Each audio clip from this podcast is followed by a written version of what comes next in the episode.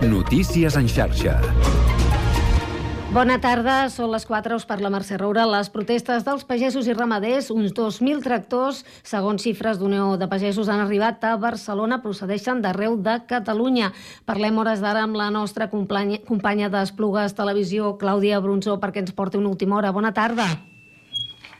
Bona tarda, doncs sí, són més de 2.000 tractors els que s'han avançat aquí a la ciutat amb la intenció de col·lapsar Barcelona, en el que està sent una mobilització històrica. El sector ha entrat a la capital catalana amb marxes lentes per l'Avinguda Meridiana i la Diagonal i nosaltres fa pocs minuts els hem vist passar per al Departament d'Acció Climàtica, on uh, aniran, aniran tirant, aparcaran a diversos punts i després els passejos s'adreçaran cap a Palau on hi ha d'haver la reunió entre el president de la Generalitat, Pere Aragonès, i el conseller d'Agenda Rural i Acció climàtica. Bàsicament, aquesta protesta es fa per diversos motius. Els pagesos es queixen per l'accés de burocràcia, pels baixos preus que els paguen les distribuïdores i pels plans de les administracions per afrontar la sequera. Estarem pendents, doncs, en pocs minuts com procedeix aquesta mobilització i també el, com va la reunió entre el president, el conseller i els representants de pagesia.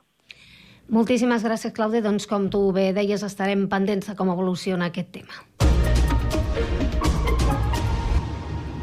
I en referència a aquest tema, precisament el president del govern espanyol, Pedro Sánchez, s'ha compromès avui al Congrés a defensar els interessos del sector Europa i modificar la llei de la cadena alimentària. Entre las políticas antiguas hablaban de la PAC, que es la primera política común que hemos tenido a nivel europeo.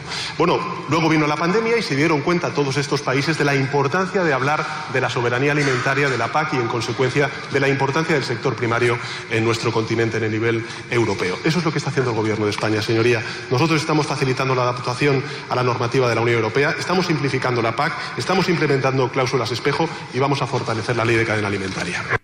I des de Catalunya el govern assumeix també part de la responsabilitat de les reivindicacions de la pagesia i es defensa argumentant que se simplificarà la burocràcia. Ja parlàvem aquests dies de la creació de la finestreta única, a veure com es desenvolupa, per tant, aquesta reunió que ja ha prevista en eh, poca estona amb el president de la Generalitat, Pedre, Pere Aragonès, amb representants dels pagesos i també amb David Mascor, que és el conseller d'Acció Climàtica. Estarem pendents per donar-vos l'última hora. És tot de moment. Tornem de seguida amb més notícies en xarxa. Fins ara.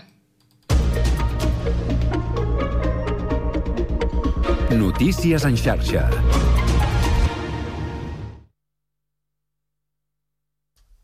Quatre i tres minuts. Comença el Connectats.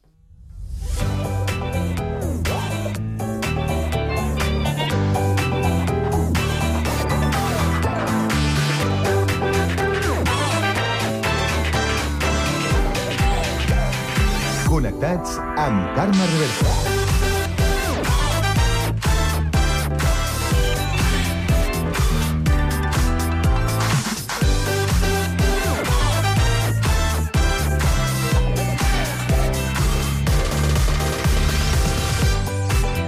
Molt bona tarda, salutacions i benvinguts al magazín de tarda de la xarxa, el Connectats de l'àrea metropolitana de Barcelona. Programa que fem i que podeu seguir a través de Ràdio Sant Cugat, Ràdio Sabadell, la Municipal de Terrassa, el Prat Ràdio, Ràdio Ciutat de Badalona i Ràdio Castellà. Una salutació de tot l'equip conduït a la part tècnica per Pablo Palenzuela, Sami Fernández a la producció i de qui us parla Carme Reverte. Avui és dimecres 7 de febrer i volem saber quin temps ens espera aquesta tarda. Lluís Mi Pérez. Aquest dimecres ha començat una altra vegada amb molta humitat, amb núvols baixos i boires, que de fet encara continuen en algunes comarques de Lleida, sobretot entre l'altiplà de la Sagarra i la plana de Lleida. Els núvols que hi havia a les comarques de Girona, també en algun cas amb alguna boira, que fins i tot s'ha arribat a escapar fins al Vallès Oriental o al Maresme, s'estan desfent a hores d'ara. De fet, la tendència d'aquesta tarda és que el cel quedi més asserenat a gran part del país. Les boires de Lleida encara es faran una mica el ronso. S'acabaran aixecant, però no es desfaran del tot els núvols, allà amb un ambient una mica més fresquet. I a la resta del país, més clarianes que no pas una altra cosa, només amb núvols prims i amb una temperatura que tornarà a ser de primavera. S'acabarà enfilant molt, especialment a les comarques de l'Ebre i del prelitoral barceloní, per sobre dels 20 graus de màxima. Demà, un temps més aviat tranquil, amb més vent de Garbí a Girona, i això farà que l'ambient sigui molt suau una altra vegada. Us seguirem a la xarxa.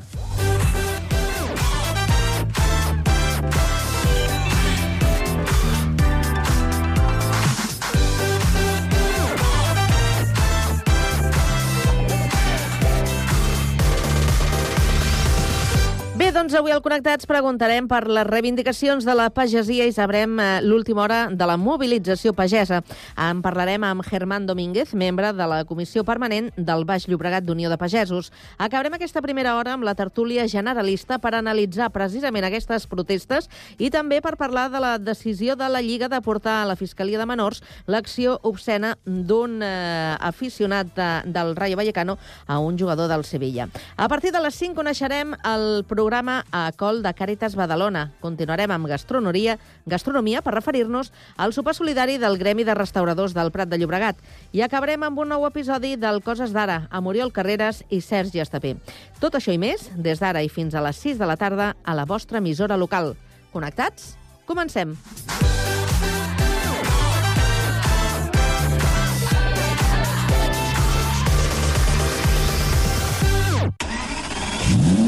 El Connectats del Dia Mundial de la Ràdio se'n va a Castellar del Vallès.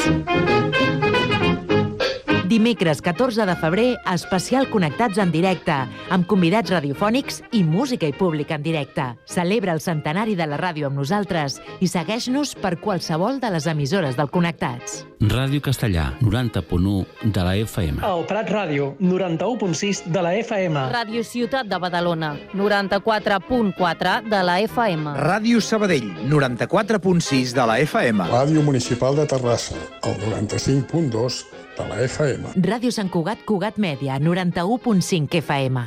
4 i 3 minuts. Comença el Connectats del Dia Mundial de la Ràdio.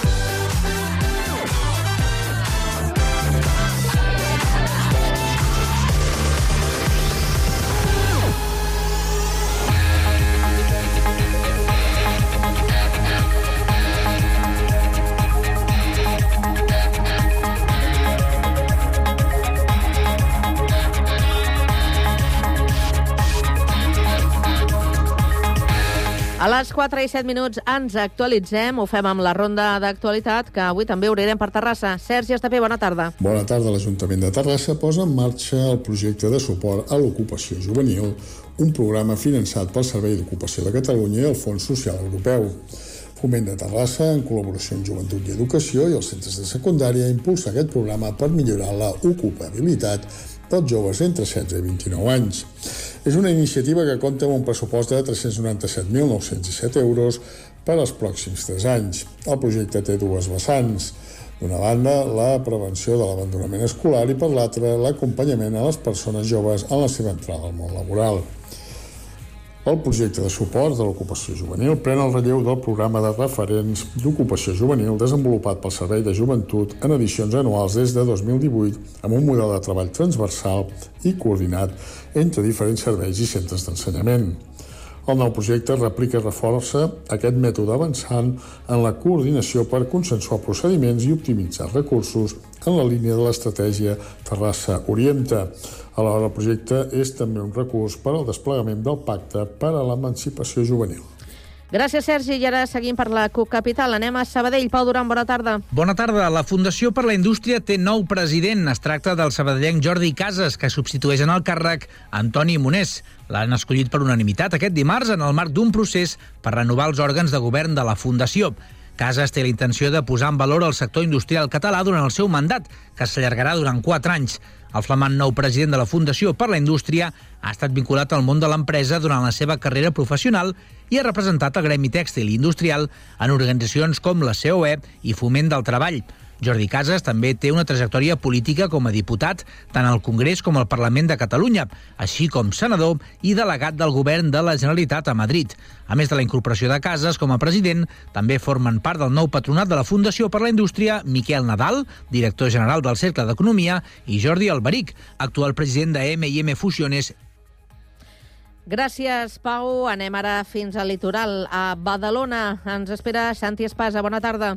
Bona tarda, Carme. Doncs la policia judicial dels Mossos d'Esquadra treballa en la identificació dels tres cossos trobats sota la runa de l'edifici enfrontat aquest dimarts al número 9 del carrer Canigó del barri del Raval. De moment treballen amb la hipòtesi que siguin de les tres persones veïnes de l'edifici que fins ara no han pogut ser localitzades. Una altra de les hipòtesis que s'estudien és que no hi hagi cap altra víctima. Sobre les possibles causes del col·lapse de l'edifici de cinc plantes, des de bombers no han volgut entrar en detalls perquè quan acabin les tasques faran el traspàs de tota la informació als tècnics municipals i als Mossos d'Esquadra. L'alcalde de Badalona, Xavier García Albiol, sí que ha confirmat que l'edifici havia passat l'ITE, la inspecció tècnica de l'immoble, i ha apuntat a un possible motiu de l'ensorrament que podria haver estat per la falta de qualitat de materials del sostre de l'àtic. Tot i això, ha dit que encara cal ser prudent perquè falta conèixer tots els informes tècnics que encara han d'arribar. Escoltem l'alcalde. El possible motiu de l'enfonsament és eh, la falta de qualitat i la falta d'alguns materials del sostre, del quart pis, que era l'àtic. Jo tinc constància, ja en aquests moments els hi puc afirmar que la inspecció tècnica la van passar, jo ja tinc constància, això ja els hi puc dir oficialment, Recordem que aquest matí l'alcalde decretava tres dies de dol entre avui i divendres i que a dos quarts de sis d'aquesta tarda hi haurà cinc minuts de silenci en suport a les víctimes a la plaça de la Vila. Gràcies, Santi. I ara continuem una mica més al sud. Des del Prat de Llobregat ens informa Víctor Asensio. Bona tarda. Bona tarda, Carme. El Servei de Mediació de l'Ajuntament del Prat ha fet balanç i ha donat xifres. Ha atès més de 4.000 casos i 8.000 persones amb més de 25 anys d'història. De fet, aquest servei pioner a l'Estat ha esdevingut un referent en aquest tipus de mediació. Ara per ara el 60% de les persones que s'hi acullen ho fan perquè hi van directament i la resta, el 40%, hi arriben derivades d'altres serveis. Tot plegat fa que l'equip del Servei de Mediació atengui uns 250 casos l'any que inclouen des de problemàtiques familiars fins a molèsties veïnals, però també accions de conscienciació davant infraccions, la coneguda com mediació reparadora. Gràcies, Víctor. Tornem al Vallès i ara arribem a Castellà. Guillem Plans, bona tarda. Bona tarda. L'exposició de pessebres del grup Passebrista de Castellà ha tancat la mostra d'enguany amb més de 10.000 visitants. L'entitat celebra l'èxit d'aquesta bona acollida, un any més constatant que la d'aquest Nadal ha estat la segona exposició més visitada del grup darrere de la de l'any 2019 dedicada al cinema. El passat 4 de febrer es va donar per finalitzada una exposició que ha tingut com a eix temàtic les llegendes i mites de la història. Persones d'arreu del país i del món han valorat molt positivament la creativitat del grup, que se supera any rere any perfeccionant la tècnica passabrista. Gràcies, Guillem. I ara tancarem amb l'actualitat de Sant Cugat. Sami Fernández, bona tarda.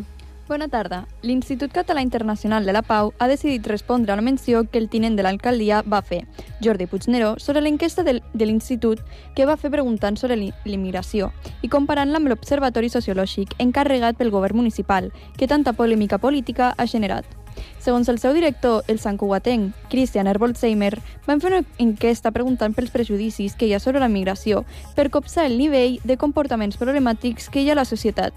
Per a Herbolzheimer, la diferència rau en si les, les respostes a aquestes preguntes s'analitzen posteriorment críticament per després establir polítiques públiques per fer front a les actituds racistes. Escoltem a Herbolzheimer. El tema no és què es pregunta, sinó com es pregunta i amb quina intencionalitat és molt diferent fer preguntes suposadament neutres que problematitzen o donen altaveu o donen credibilitat o no qüestionen actituds basades en prejudicis. Avui, els set partits amb representació municipal al ple han debatut sobre les preguntes de l'Observatori a la tertúria política de Cugat Mèdia, el gai del monestir. En Comú Podem, el PSC i la CUP han mostrat la seva oposició al tipus de preguntes i l'orientació de les mateixes, igual que l'Esquerra Republicana Catalana, soci de govern de Junts. El PP i Vox s'han mostrat partidaris de les preguntes, mentre que Junts també les ha defensat, reiterant que el CEO, Centre d'Estudis d'Opinió de la Generalitat, l'Institut Català Internacional de la Pau i l'Oxfam Intermón també han fet enquestes similars.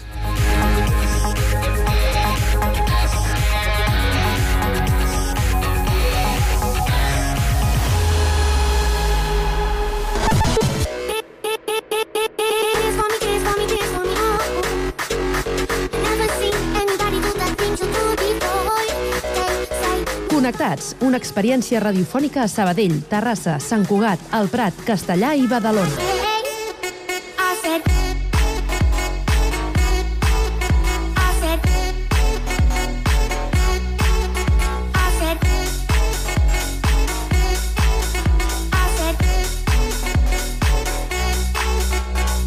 Connectats amb Carme Reverte.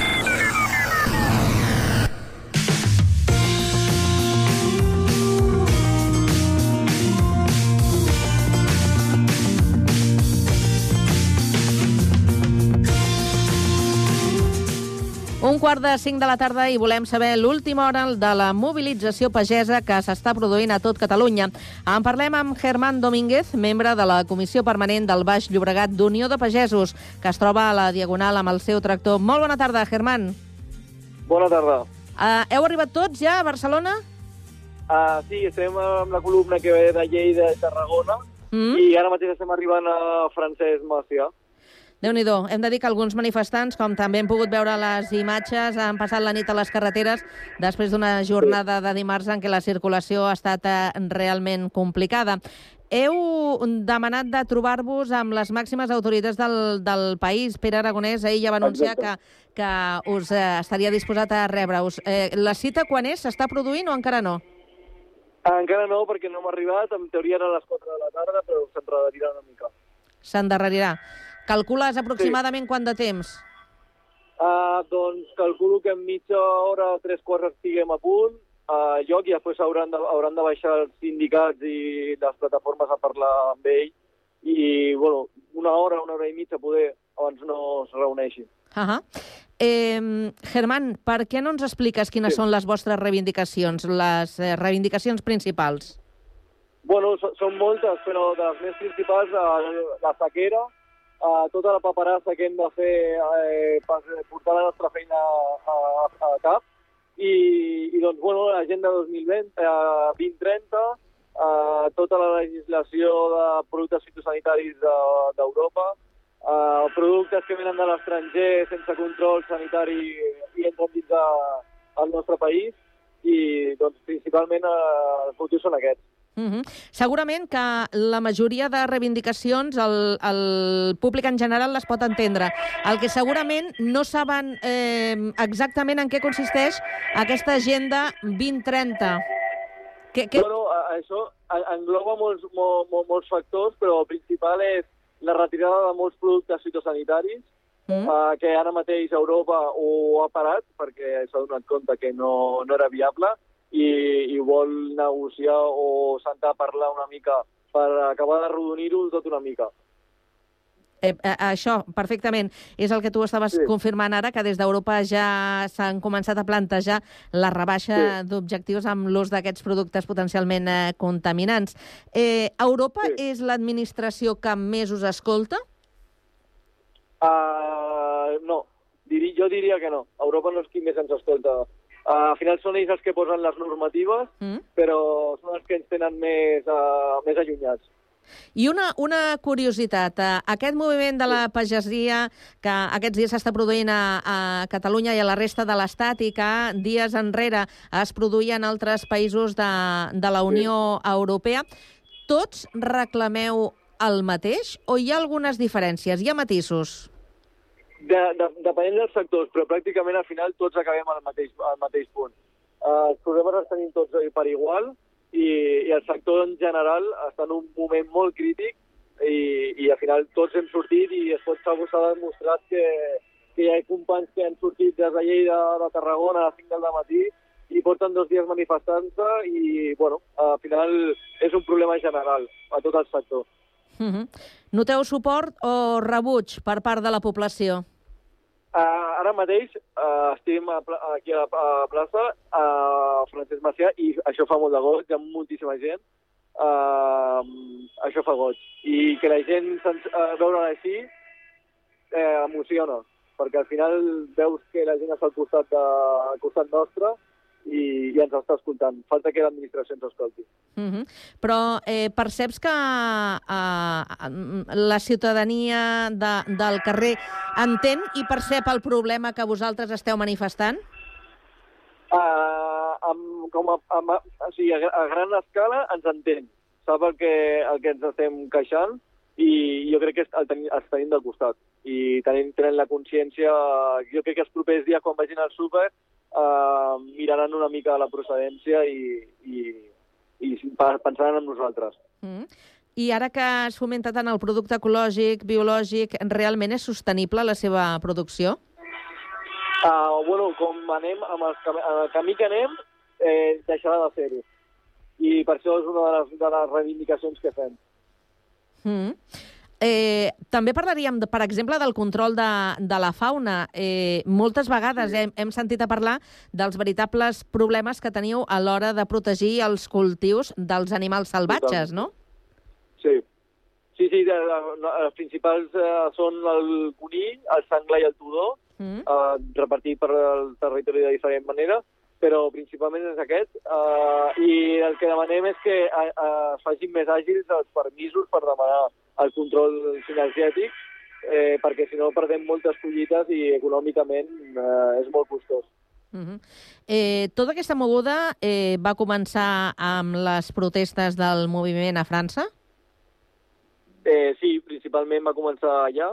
Uh, al final, si els nostres veïns es queixen, els problemes són els mateixos, estem a Europa, i si ells ho han fet, per què no fer-ho nosaltres, evidentment, sí, sí. Uh, va ser el que ens va animar a sortir als carrers. Uh -huh. I quins van ser els primers problemes que vau detectar per a la vostra activitat? Allò que vosaltres ja vau, vau començar a notar que, que la cosa ja no anava gaire bé. Eh, en el moment que vam entrar amb la sequera, això va ser el punt que la gent va, va dir no, no podem seguir així, hem de tenir infraestructures, hem de, ens han de poder garantitzar una aigua de qualitat pels nostres cultius, i jo crec que aquest va ser el punt de dir eh, ja no podem més. Uh, ja era l'últim pal que ens faltava perquè, per fer-nos parar els tractors i, i sortir al carrer. Però el tema de la sequera eh, sí que us afecta principalment a, als pagesos a, a Catalunya, més que en altres zones, per exemple, de, de l'estat espanyol, que no tenen aquesta problemàtica tan accentuada, no? Exacte, l'Andalusia estan patint una mica i nosaltres, eh, al final, som les dues comunitats més afectades per la sequera. Uh -huh. De la llista de reivindicacions parlàvem de, de la paperassa, de reduir aquesta paperassa, de tenir uns preus justos també, de dignificar la vostra professió, la, la mm, reversió de l'agenda 2030, el reduir l'impost al, al gasoil, la sobirania alimentària també, aquesta aposta per la sobirania alimentària. Sí. Eh, de totes aquestes reivindicacions, si haguéssiu de triar eh, dins de la negociació, quines serien les prioritàries segons tu? Uh, totes. O sigui, no, no es pot penjar ni cap. Uh, en aquest moment uh, s'ha de posar control a tot. O sigui, no podem negociar una sí, una no. Ara mateix és tot. Uh, tenim l'oportunitat de que ens escoltin i, i no, hi ha, no, hi ha, no hi ha opció a uh, un punt que quedi penjat. Mhm. Com aquest moviment eh, Parlem, que és un eh, moviment que s'està generant eh, arreu dels eh, països que formen part de, de la Unió Europea, quin és el vostre vincle, la vostra relació, la, la vostra comunicació amb pagesos d'aquests països? Uh, bueno, constantment des dels sindicats estan en contacte i al final la línia a seguir és la mateixa i per això hem sortit al carrer, hem entès que podeu tenen una, una problemàtica més agreujada que nosaltres, però al final la línia és la mateixa i, i eh, des dels sindicats van molt ali- alineats. Mm -hmm. eh, després de la trobada que tindreu aquesta tarda amb el president eh, aragonès i el conseller d'Acció Climàtica, què, quin és el proper pas? Uh, eh, bueno, al final uh, començar a tindre aquestes reunions, a començar a parlar i principalment el que demanaria seria un, un, un consell uh, d'agricultura, un conseller d'agricultura, ara mateix no en tenim d'agricultura, tenim d'acció climàtica però d'agricultura no. I per començar hauríem de tindre aquest departament que ens nombra i que ens defensi. Que us defensi Europa. Eh, bueno, no, que ens defensi dintre de la Generalitat. Ara mateix no tenim un departament d'agricultura. Tenim -huh. el departament de fauna, de fauna, medi ambient i acció climàtica. Necessitem que hi hagi un conseller d'agricultura, uh -huh. no de medi ambient i de... que també està bé, però agricultura. I la idea, Germán, és, a banda del que pugueu aconseguir, eh, és tornar cap a casa amb els tractors, avui mateix? Uh, sí, la intenció és tornar avui mateix. Uh, no volem tampoc allargar això gaire. Uh, entenem també la societat i entenem també els companys que venen de molt lluny, porten molts dies al carrer i la, bueno, uh, ja estan cansats i també necessiten tornar a casa seva i, i tornar als seus dies a dia. Uh -huh. Germán, tu a, a què et dediques? Què és el que produeixes? Soc, soc pagès de Baix Llobregat, eh, fem horta, principalment carxofa, fava i calçot, i a l'estiu fem tomàquets. Uh -huh. I m'imagino que quan vas al súper i veus els preus, et poses la, la mà al cap o què? Exacte. Intento no anar gaire a les grans superfícies. Aposto més per el que és el comerç local, eh, on sé d'on ve el producte i em transmeten aquesta confiança i al final la línia que hauríem de fer tota la societat és encaminar-ho cap aquí. Per la teva veu, intueixo que ets un pagès jove. Tinc 28 anys, vaig començar amb 19, eh, venia de l'avi, això, i, i va ser la millor herència que m'ha pogut deixar. I escolta'm una cosa, en aquest temps has vist eh, empitjorar molt el, el sector? Sí, sí, la veritat és que sí, i sobretot eh, els ànims de, dels companys. Sobretot la, la gent més gran que ens, ens aconsella i vigileu i esteu a temps per canviar i decidir una altra cosa, o feu alguna cosa o busqueu una altra feina. I hem decidit fer alguna cosa. Germán, hi ha relleu generacional? Uh, tal com està la cosa, no és gens atractiu. I per això estem defensant uh, tots aquests interessos, uh, tota aquesta paperassa, tot, tot el que portem parlant una estona. Uh, si no ho fem atractiu, el jovent no entra en aquest sector. Ha de ser molt atractiu i això és el que demanem a l'administració, que ens ho fiqui més fàcil del que ens està fent. Doncs esperem que, que tingueu, eh, obtingueu resultats aquesta tarda amb aquestes eh, converses, amb aquesta negociació. Agraïm moltíssim al Germán Domínguez, que avui ens ha acompanyat en plena mobilització de la pagesia i també la ramaderia eh, catalana amb aquestes reivindicacions que hem volgut repassar i hem volgut recordar a la ciutadania. Des d'aquí, eh, tot el nostre suport i solidaritat. Gràcies, Germán. Moltes gràcies. Que vagi Moltes molt gràcies, bé. Bona tarda. Bona tarda.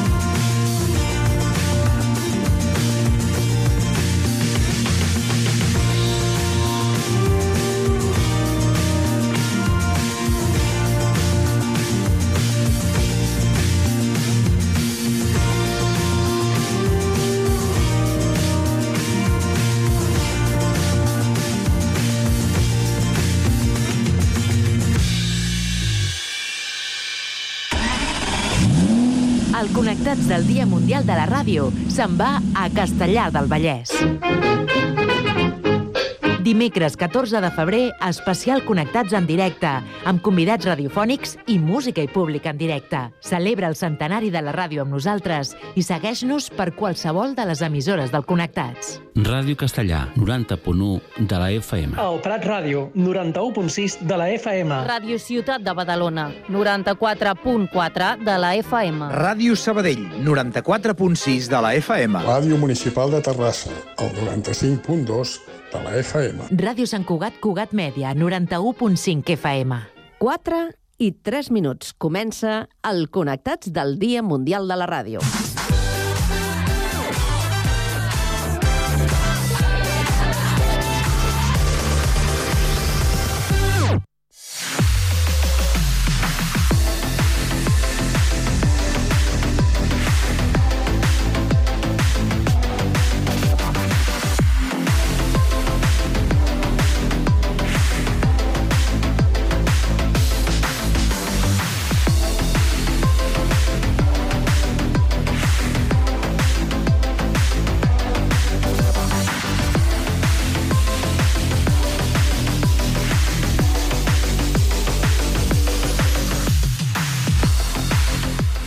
Quarts de cinc de la tarda, continuem amb aquest Connectats de dimecres, ara amb aquest espai d'opinió, la tertúlia a tres bandes, que avui la compartirem amb el Toni Fernández, que és tècnic de gestió cooperativa i empreses d'economia social. Ja el tenim a Badalona. Toni, bona tarda. Hola, molt bona tarda. Molt bona tarda. A Castellà del Vallès ens acompanya l'Òscar Cardona, director de la carpeta de l'AVI. Òscar, bona tarda. Bona tarda. Oh, escolta, que bé que t'escolto, eh? Eh que sí? Ah, que sí? És que ens hem aclarit, ens hem aclarit la gola en clares d'ou. No, no, no, tu ja la tenies molt clara. El que passa és que és molt diferent estar al telèfon que poder estar a l'estudi. Eh? Naturalment que sí. Clar que sí, i tant. I ens n'anem eh, per completar el triangle eh, al Prat de Llobregat. Eh, Ja, allà hi tenim el Joan eh, Ribas, que és membre de la cooperativa agrícola del Prat. Joan, bona tarda. Hola, bona tarda. Com estem? Molt bé, doncs mira, avui ocupant-nos d'aquesta mobilització de la pagesia catalana i parlant directament amb eh, membres d'aquesta mobilització per saber exactament què és el que es reivindica, què és el que demanen i quina és la, la situació. I m'imagino que tu d'això també en saps una mica, no? Joan? Sí, sí, eh, però és que no et sento una mica bé. Ara tenim un problema de mirar... Ah, t'ho estan arreglant, t'ho estan arreglant. Bé, doncs... Estan deia- arreglant, sí. T'ho estan arreglant. Mentrestant, mira, si vols, a, anirem cedint eh, eh, el torn a, al Toni i a, i a l'Òscar. No sé si heu pogut sentir l'entrevista o part de l'entrevista que fèiem fa una estona amb el Germán Domínguez, que és eh, membre de la Comissió Permanent del Baix Llobregat d'Unió de Pagesos i que es troba en aquesta mobilització de, de tractors a l'espera de poder-se reunir amb el president eh, aragonès. Eh, què us sembla la, la situació i què us sembla doncs, que hi hagi eh, aquesta reivindicació per part eh, de, del sector? Toni. A mi em sembla molt bé, em sembla important i, a més a més, eh, es tenia que fer i, d'alguna manera, eh, marc... jo crec que marcarà un abans i un després de, de, de tot aquest tema. Eh, no es podia fer esperar més una reacció de, de, de, del, del sector primari perquè està com està i tots depenem d'ells i els haurien de donar les gràcies per tot el que estan fent. O sigui que donar-los tot el suport que sigui possible i encoratjar-los a seguir endavant amb el que sigui, amb el que creguin convenient. Uh -huh. Òscar. Bé, jo també estic d'acord en que se'ls ha de recolzar.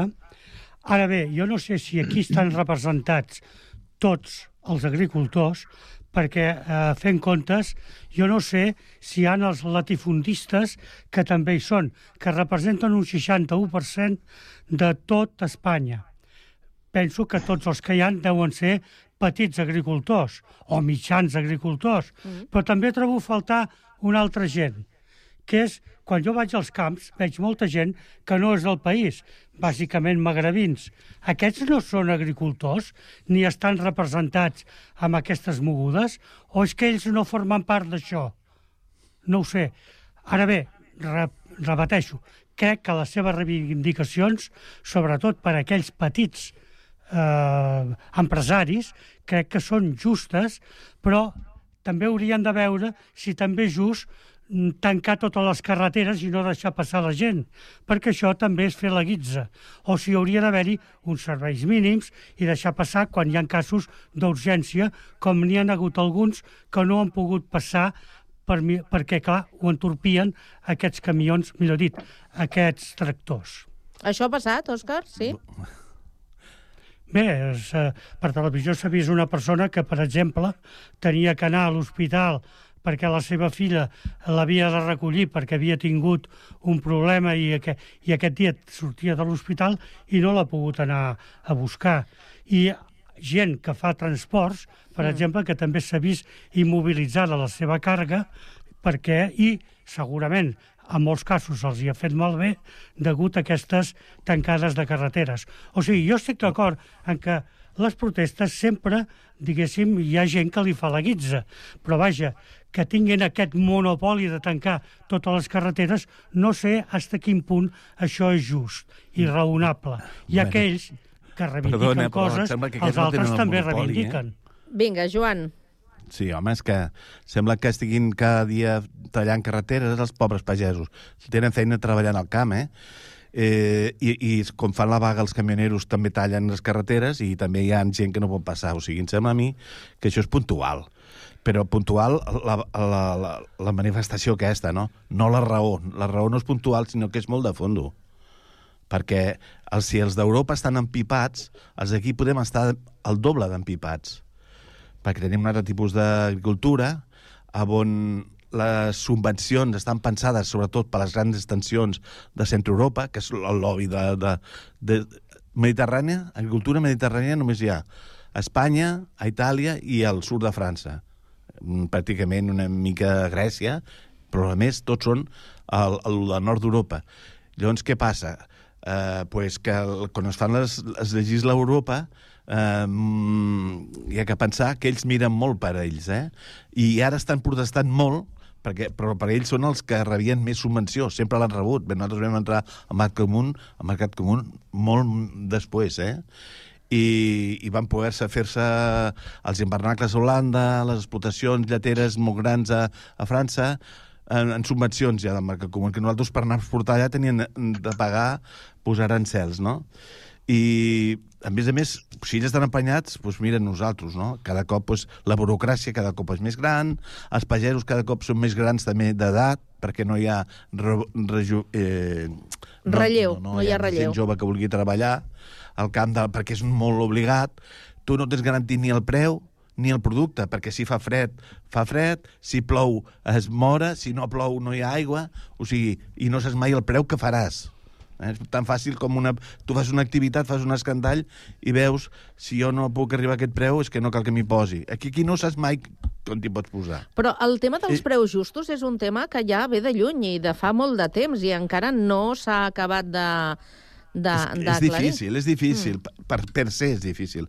Perquè només és que si hi ha un producte que aquell any ha anat bé i l'any que ve hi ha més gent que el fa, jo dic, per exemple, la fruita, no? Fruit, no, no fruita d'arbres, perquè els arbres no és una cosa que d'un any per l'altre puguis canviar. Mm. Però la verdura, per exemple, si ha anat bé que sé, la mongeta del ganxet, perquè l'any passat van anar molt cares que no n'hi havia. Aquest any el doble, i doncs el preu bom, baixa, perquè el, pre, el mercat és el que és. Mm. I llavors, per ser ja és difícil fer els preus estàndards, no? O tindria d'haver uns minis garantits o qualsevol cosa. Però que, que és difícil de gestionar. I, i ha que tindre moral, ha vindre de família pagesa per, per suportar eh, pues que tot això, molt de treball, moltes festes, que els estan de festa, i tu de treballar perquè toca, i no diguem ja els que tenen granges, que això és cada dia, cada dia, cada dia, o, a, o munyir les vaques, o, o sortir amb les cabres, o...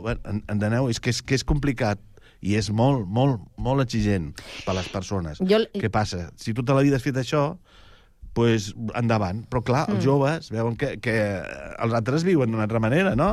Això del fin de setmana i les vacances, ostres, és molt maco.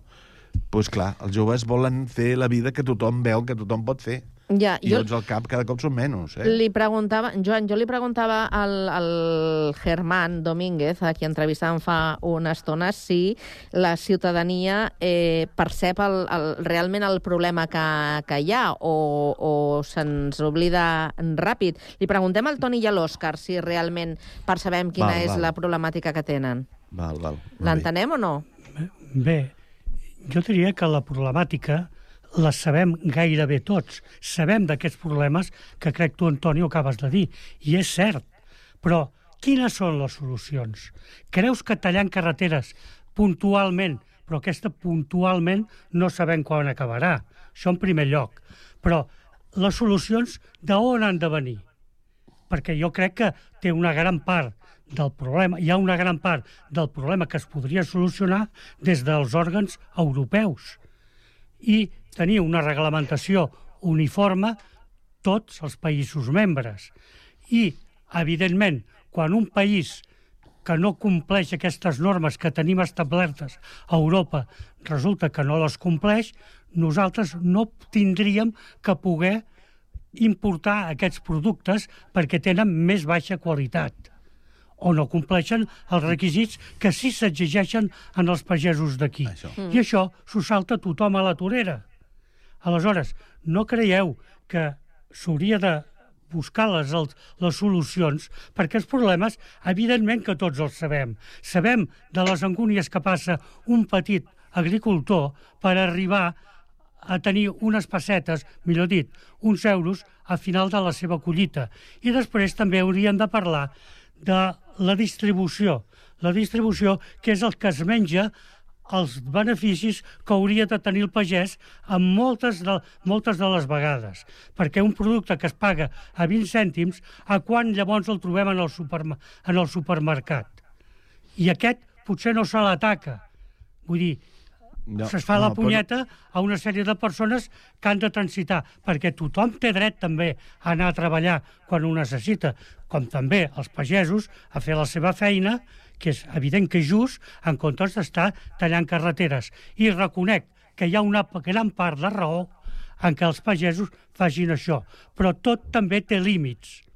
Mm. Aquesta és la meva opinió. Vinga, Toni, vols aportar alguna cosa? No, jo només eh, eh, afegiria que, en tot cas, eh, aquí hi ha responsables, aquí hi ha responsables importants, la Unió Europea és responsable, jo diria que principal, sí. però també hi ha una responsabilitat compartida per l'estat espanyol i fins i tot per la Generalitat. Aleshores, eh, eh, criminalitzar una mica ara el que estan fent avui i demà i possiblement la setmana que ve els agricultors o els ramaders, em sembla que comparativament amb el que ha passat a França, és una broma el que passa aquí a Catalunya. Llavors, aleshores, doncs, eh, home, se'ls ha de donar recolzament, entenem que, evidentment, tallar carreteres no és agradable, entenem que la gent que es troba entremig amb un problema ho passa malament, però és que ens juguem molt amb això, ens juguem molt, perquè vull dir, aquesta gent té el problema afegit de sequeres, té el problema afegit de, de, de, de burocràcia per tot arreu. Vull dir, si nosaltres treballéssim o haguéssim treballat en aquest sector, eh, és que no sé què haguéssim fet. Vull dir que ja és hora de que la gent es rebel·li i, i, i es planti cara a qui sigui perquè és que si no eh, se'ns en va en l'aire tot. Si, si no tenim fruites, verdures, de tot, eh, la societat se'n va a Norris. Vull dir, hem de, de pensar molt això, eh? Bé, jo penso que sí, que s'ha de pensar molt. El que passa és que, com tu dius, el problema potser eh, majoritàriament ve d'Europa. Jo no dubto que la Generalitat tingui part de culpa d'algunes coses. No seré jo qui els defensi, però en aquest cas seran totes les autonomies les que deuen tenir problemes, no? Perquè és tota Espanya que s'ha alçat contra, contra això, millor dit, contra s'ha posat a les carreteres. No només és la Generalitat de Catalunya, que al tanto no li vull treure cap culpa, si és que la té, però crec que el problema és a nivell de tota Espanya, com a mínim. Però, Òscar, hi, ha, hi, ha, hi, ha una, hi ha una petita diferència per, amb el tema de la sequera. L'afectació a Catalunya és bastant més diferent i més greu que en altres parts de, de l'estat espanyol. I avui ens ho ha corroborat el, el Germán amb l'entrevista que manteníem. Per tant, hi ha petits matisos, tot i que el gruix de les reivindicacions sí que eh, totes eh, formen part d'un PAC que, que reclamen també la resta de, de pagesos eh, d'Europa. De, Joan, Sí, a mi em sembla que, que sí, que sí que passa això, però a més hi ha una certa mirada urbanita del camp. No? Vull dir, és molt maco, és molt el que vulguis, però aquesta gent també ordena en territori, no és tan fàcil, no, no és només... Eh, és que la gent ja comença a estar cansada una mica. No és la només la burocràcia, que sí, perquè la gent jove té més facilitat, per exemple, els, amb el temps això ha anat passant, que els insecticides s'han anat regulant, Bollons tens de tindre un quadern de camp dient amb el que tires insecticides que no... Fent una bona praxi, eh? a mi em sembla estupendo. Després, ara això, ara ja el quadern de camp ja és quadern de digital i que el tens de fer cada dia. Abans, això, els pagesos plegàvem, ara a l'hivern no tant, però l'estiu que feia verdures, doncs clar, plegaven a l'estiu a les 9 del vespre arribava a casa. Doncs pues no, és que ara a les 9 del vespre ja no tens d'arribar-hi, o pots arribar igual, però tens dues hores per anar apuntant el que has fet, el, el que has collit, el que deixes de collir, eh, entens? Uh, tens de mirar l'adob que has de fer uns anàlisis que no et passis de l'adob. És, és, cada cop és més complicat per una cosa que nosaltres, que som petites explotacions, eh, és, tot és afegir-t'ho a tu, entens? Nosaltres treballàvem a tope perquè falten hores i llavors resulta que encara tens de tindre o més hores per plegar més tard o, o de nit anar fent les coses, aquestes coses que és burocràcia, entens? I això ha sobrevingut. La gent que hi ha molta edat de jubilar-se i continua fent de pagès, ho troba que pues, cada cop és més això, que és més difícil de posar-te a internet a portar el quadern de, de camp, digital, entens? És que és un recull de coses. La mirada del, de, del, de, de, del que fan els pagesos de les, des de la ciutat és oi, és que és més maco, això no. Aquí no em poseu res que, que no em tapi el, allò de, el de queixar-se, que hi hagi un campanar, perquè ve, el que ve els diumenges i el fin de setmana li toca les campanes al campanar, o el gall que hi ha allà que, que no me canta molt. O sigui, és molt maco, però té uns inconvenients. És, és com sempre ha sigut així, no? Però perfecte no és. I llavors passa que la gent comença a estar una mica cansada de tot, no? No, no, I de jo- cop, pum, solta l'espurna a Europa i llavors els d'aquí s'hi afegeixen, perquè estan cansats. Òscar. Bé, jo no, no dubto d'aquests inconvenients, però quines solucions hi poden haver-hi? Que crec que és aquest el, el tema. Jo, jo estic d'acord en que hi ha- havem pixapins o camacos i totes aquestes històries. Tot això ja hi estic d'acord. I que el, el, el, el, el de les ciutats anem a fotre a la gent del camp perquè, a més a més, els hi toquem els nassos amb el cony de les campanes. Però una vegada dit tot això, que pot ser veritat, quines solucions hi veieu amb tot això? és que perquè no està- els inconvenients ja els sabem. Sí, però no és tan fàcil de fer, això. No, no, jo no he dit que els sigui pobres fàcil. països pobres No, no, d'Àfrica, perdona, per exemple... perdona, que... Antonio.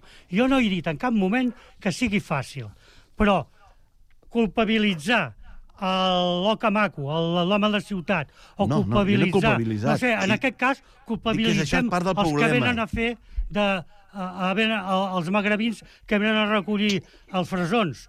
En aquest cas, mira, posats a posar-hi pegues.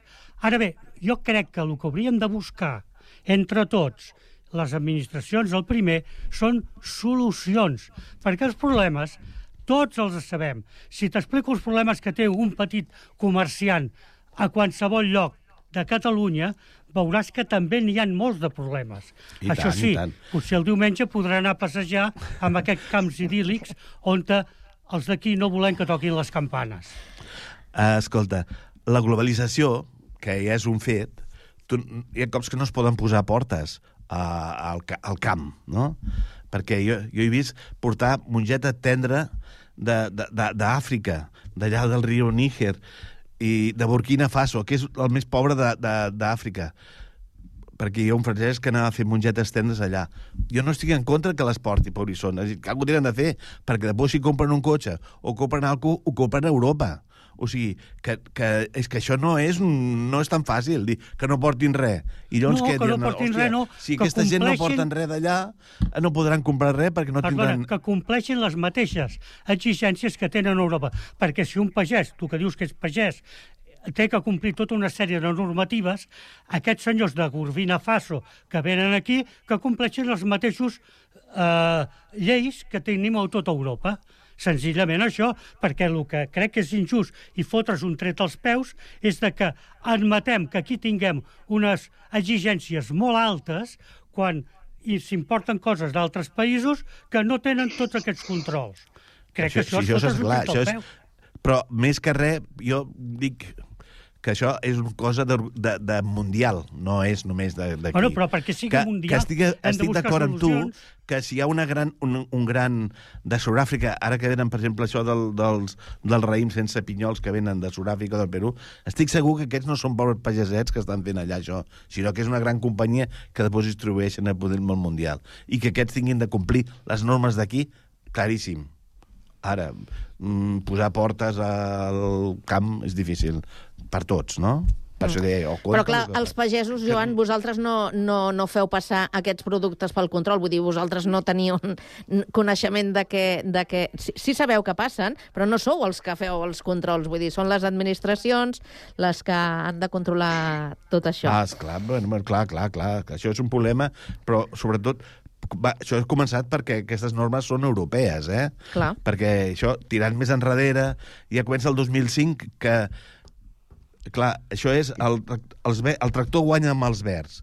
Cada cop s'han posat més restrictius perquè els verds van entrar, per exemple, al govern d'Alemanya, que té molta influència, van començar a mirar de... de es tenen de, de revisar tot el, que et sembla bé, a més a més, tots els insecticides antics que hi havia, al 2005 es van dir, hem de tornar a passar tots un registre a on si són, que ara amb els registres actuals, el 80% ja no van passar. És més, les companyies químiques que tenien algun insecticida que era que ja tenia punt de perdre'l, ja no el defensaven, perquè passar els registres valia molts milions de pessetes, no? De- d'euros, no de pessetes, d'euros. Llavors, què va passar? Mica en mica ja, eh, es va atallant, però a sobre els que van quedar del dos, van, el dos, van donar pròrrogues al 2007 o 2008 i ja van dir, bueno, ara ja, aquests sí que entren o no entren, vale. Pues ara, ara ja, la meitat dels que van passar ja no existeixen. Ja no, no valen, perquè encara són més estrictes.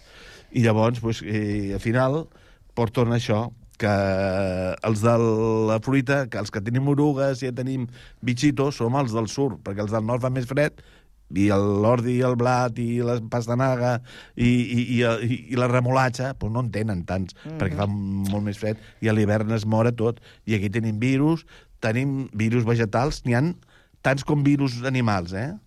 I, i de tant en tant pues, hi ha una planta que ve un virus i es moren totes.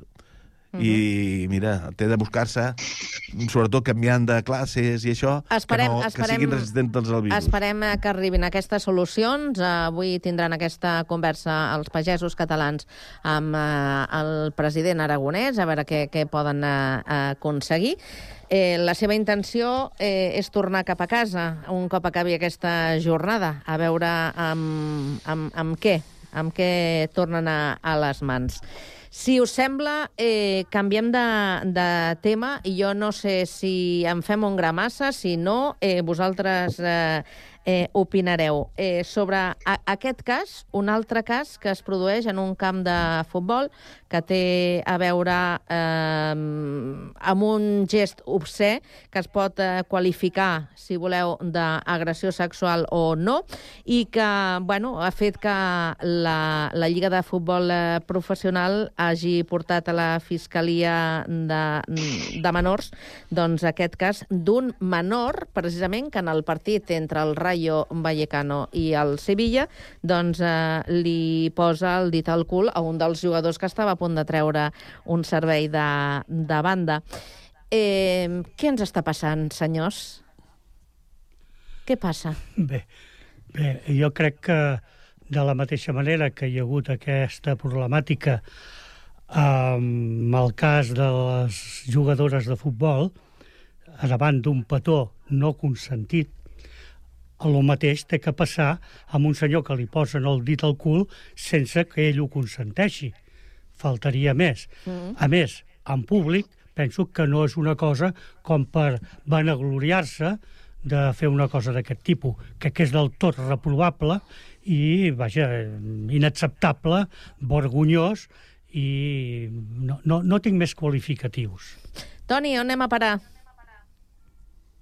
Eh, no ho sé, jo crec que el tema és evident que està mal fet per part d'aquests adolescents que van fer això, però jo crec que o els periodistes tenen molt poca feina o posen l'ull a vegades en determinats llocs que no, que no cal donar més importància. És evident que està mal fet, però d'aquí a, a quasi bé criminalitzar... Jo, la, la, la cara d'aquell nano quan va fer-li allò, a veure, eh, evidentment, eh, una broma o el que sigui, mal fet, segur, però d'aquí a comparar-ho amb la violència de, de gènere i tota aquesta història que he llegit i sentit aquests dies, em sembla una bestiesa enorme. Ara, que clar, que això s'hauria de vigilar, que s'hauria de fiscalitzar, que, que bueno, hem de mirar a veure qui entra als camps de futbol. Abans els camps de futbol eren, eren autèntics llocs on es anava a dir de tot, s'esperava l'àrbit, se l'insultava, tampoc no calia arribar a aquests extrems. Mm. Però és que ara estem arribant a uns altres extrems que a vegades dius, "Mm, no sé per on vaig, Mm, no ho entenc, no ho entenc, sincerament no ho entenc, i crec que és una desmesura molt eh, per part dels mitjans de comunicació, que evidentment el jugador, qui sigui, pues s'ha sentit, mm, sentit agraviat i l'home pues, ha dit pues hasta aquí hemos llegado. Ara, comparar-ho amb la violència feminista i tot això em, em sembla D'agressió un grau em massa sembla elevat. que Eh? en té poca, eh? Jo t'estic amb tu, eh? I realment allò era un cachondeo Ah. i, que, i que el fallo Clar. està que un camp de futbol de primera divisió no tenia d'estar al públic que el pogués tocar quan tira la fora que estaven allà mateix. I em sembla... I que el del Sevilla a Sagriví, si m'han vist les filles que van això, d'una cosa sexual, no, no feia el nano aquell cara de l'estiu tocant-li el cul, precisament, si s'estaven rient fent broma. Uh, en fi. Però quan, Sí, sí. quan per exemple, s'han trobat eh, eh, eh, crits eh, racistes i s'ha assenyalat a la persona que des de la grada Però això és una altra els, cosa. els llançava... Sí, és una altra cosa. Jo, per mi sí que és... Això és una altra cosa. Però si el primer, el primer, que, el primer que, que crida l'atenció és el propi jugador anant a avisar a l'àrbitre i al delegat de camp que re, res, res es va fer. No? Estem parlant d'un d'un menor, però alguna cosa sí que es podia haver fet. O no? La veritat. Suposo, però, però vull dir, és que, és que el problema tampoc no el veig tan dimensionat. És que no, no, no, no ho sé, és el meu punt de vista, eh? Cuidado. Sí, sí, però jo no, no veig, no, no, no veig més que, que està molt malament, que està molt mal fet, però de- d'aquí a armar una setmana un sacramental d'aquest tipus, home, no sé, què vols que et digui? Eh, lo de la Jennifer Hermoso sí que tenia una raó de ser perquè era evident i, i era una cosa molt clara. Però eh, això d'aquest home eh, no, no, no, no entenc per on van. Joan, què volies dir? No, no, això, que jo estic amb, eh, amb ell, jo penso que això no no n'hi ha per tant. Perquè no és que, ja et torno a dir, que, que, que els que estaven fent la broma, per mi era una broma, no era un gest lasciu de trucar-li el cul per, per desig sexual, que canvia molt, no? I, i s'estaven rient, i quan li va dir no sé què, encara se'n reien més. O sigui, eh, una cosa, ja dic, de, de, de, de, de jovenella, però que no, no, no és de, Molt bé. de, i, i, i a la, la marxa, a la marxa del jugador que deia que els seus filles que estan mirant per la tele, el que hauran dit, que l'hagin tocat el cul... Bueno, Per això està la tertúlia, per opinar. I aquí cadascú I doncs, eh, diu la seva. Joan, Òscar, Toni, que acabeu de passar molt bona tarda. Gràcies a tots, una Gràcies. abraçada. a vosaltres. Igualment, igualment. Adéu. Adéu-siau. Adéu, adéu, adéu.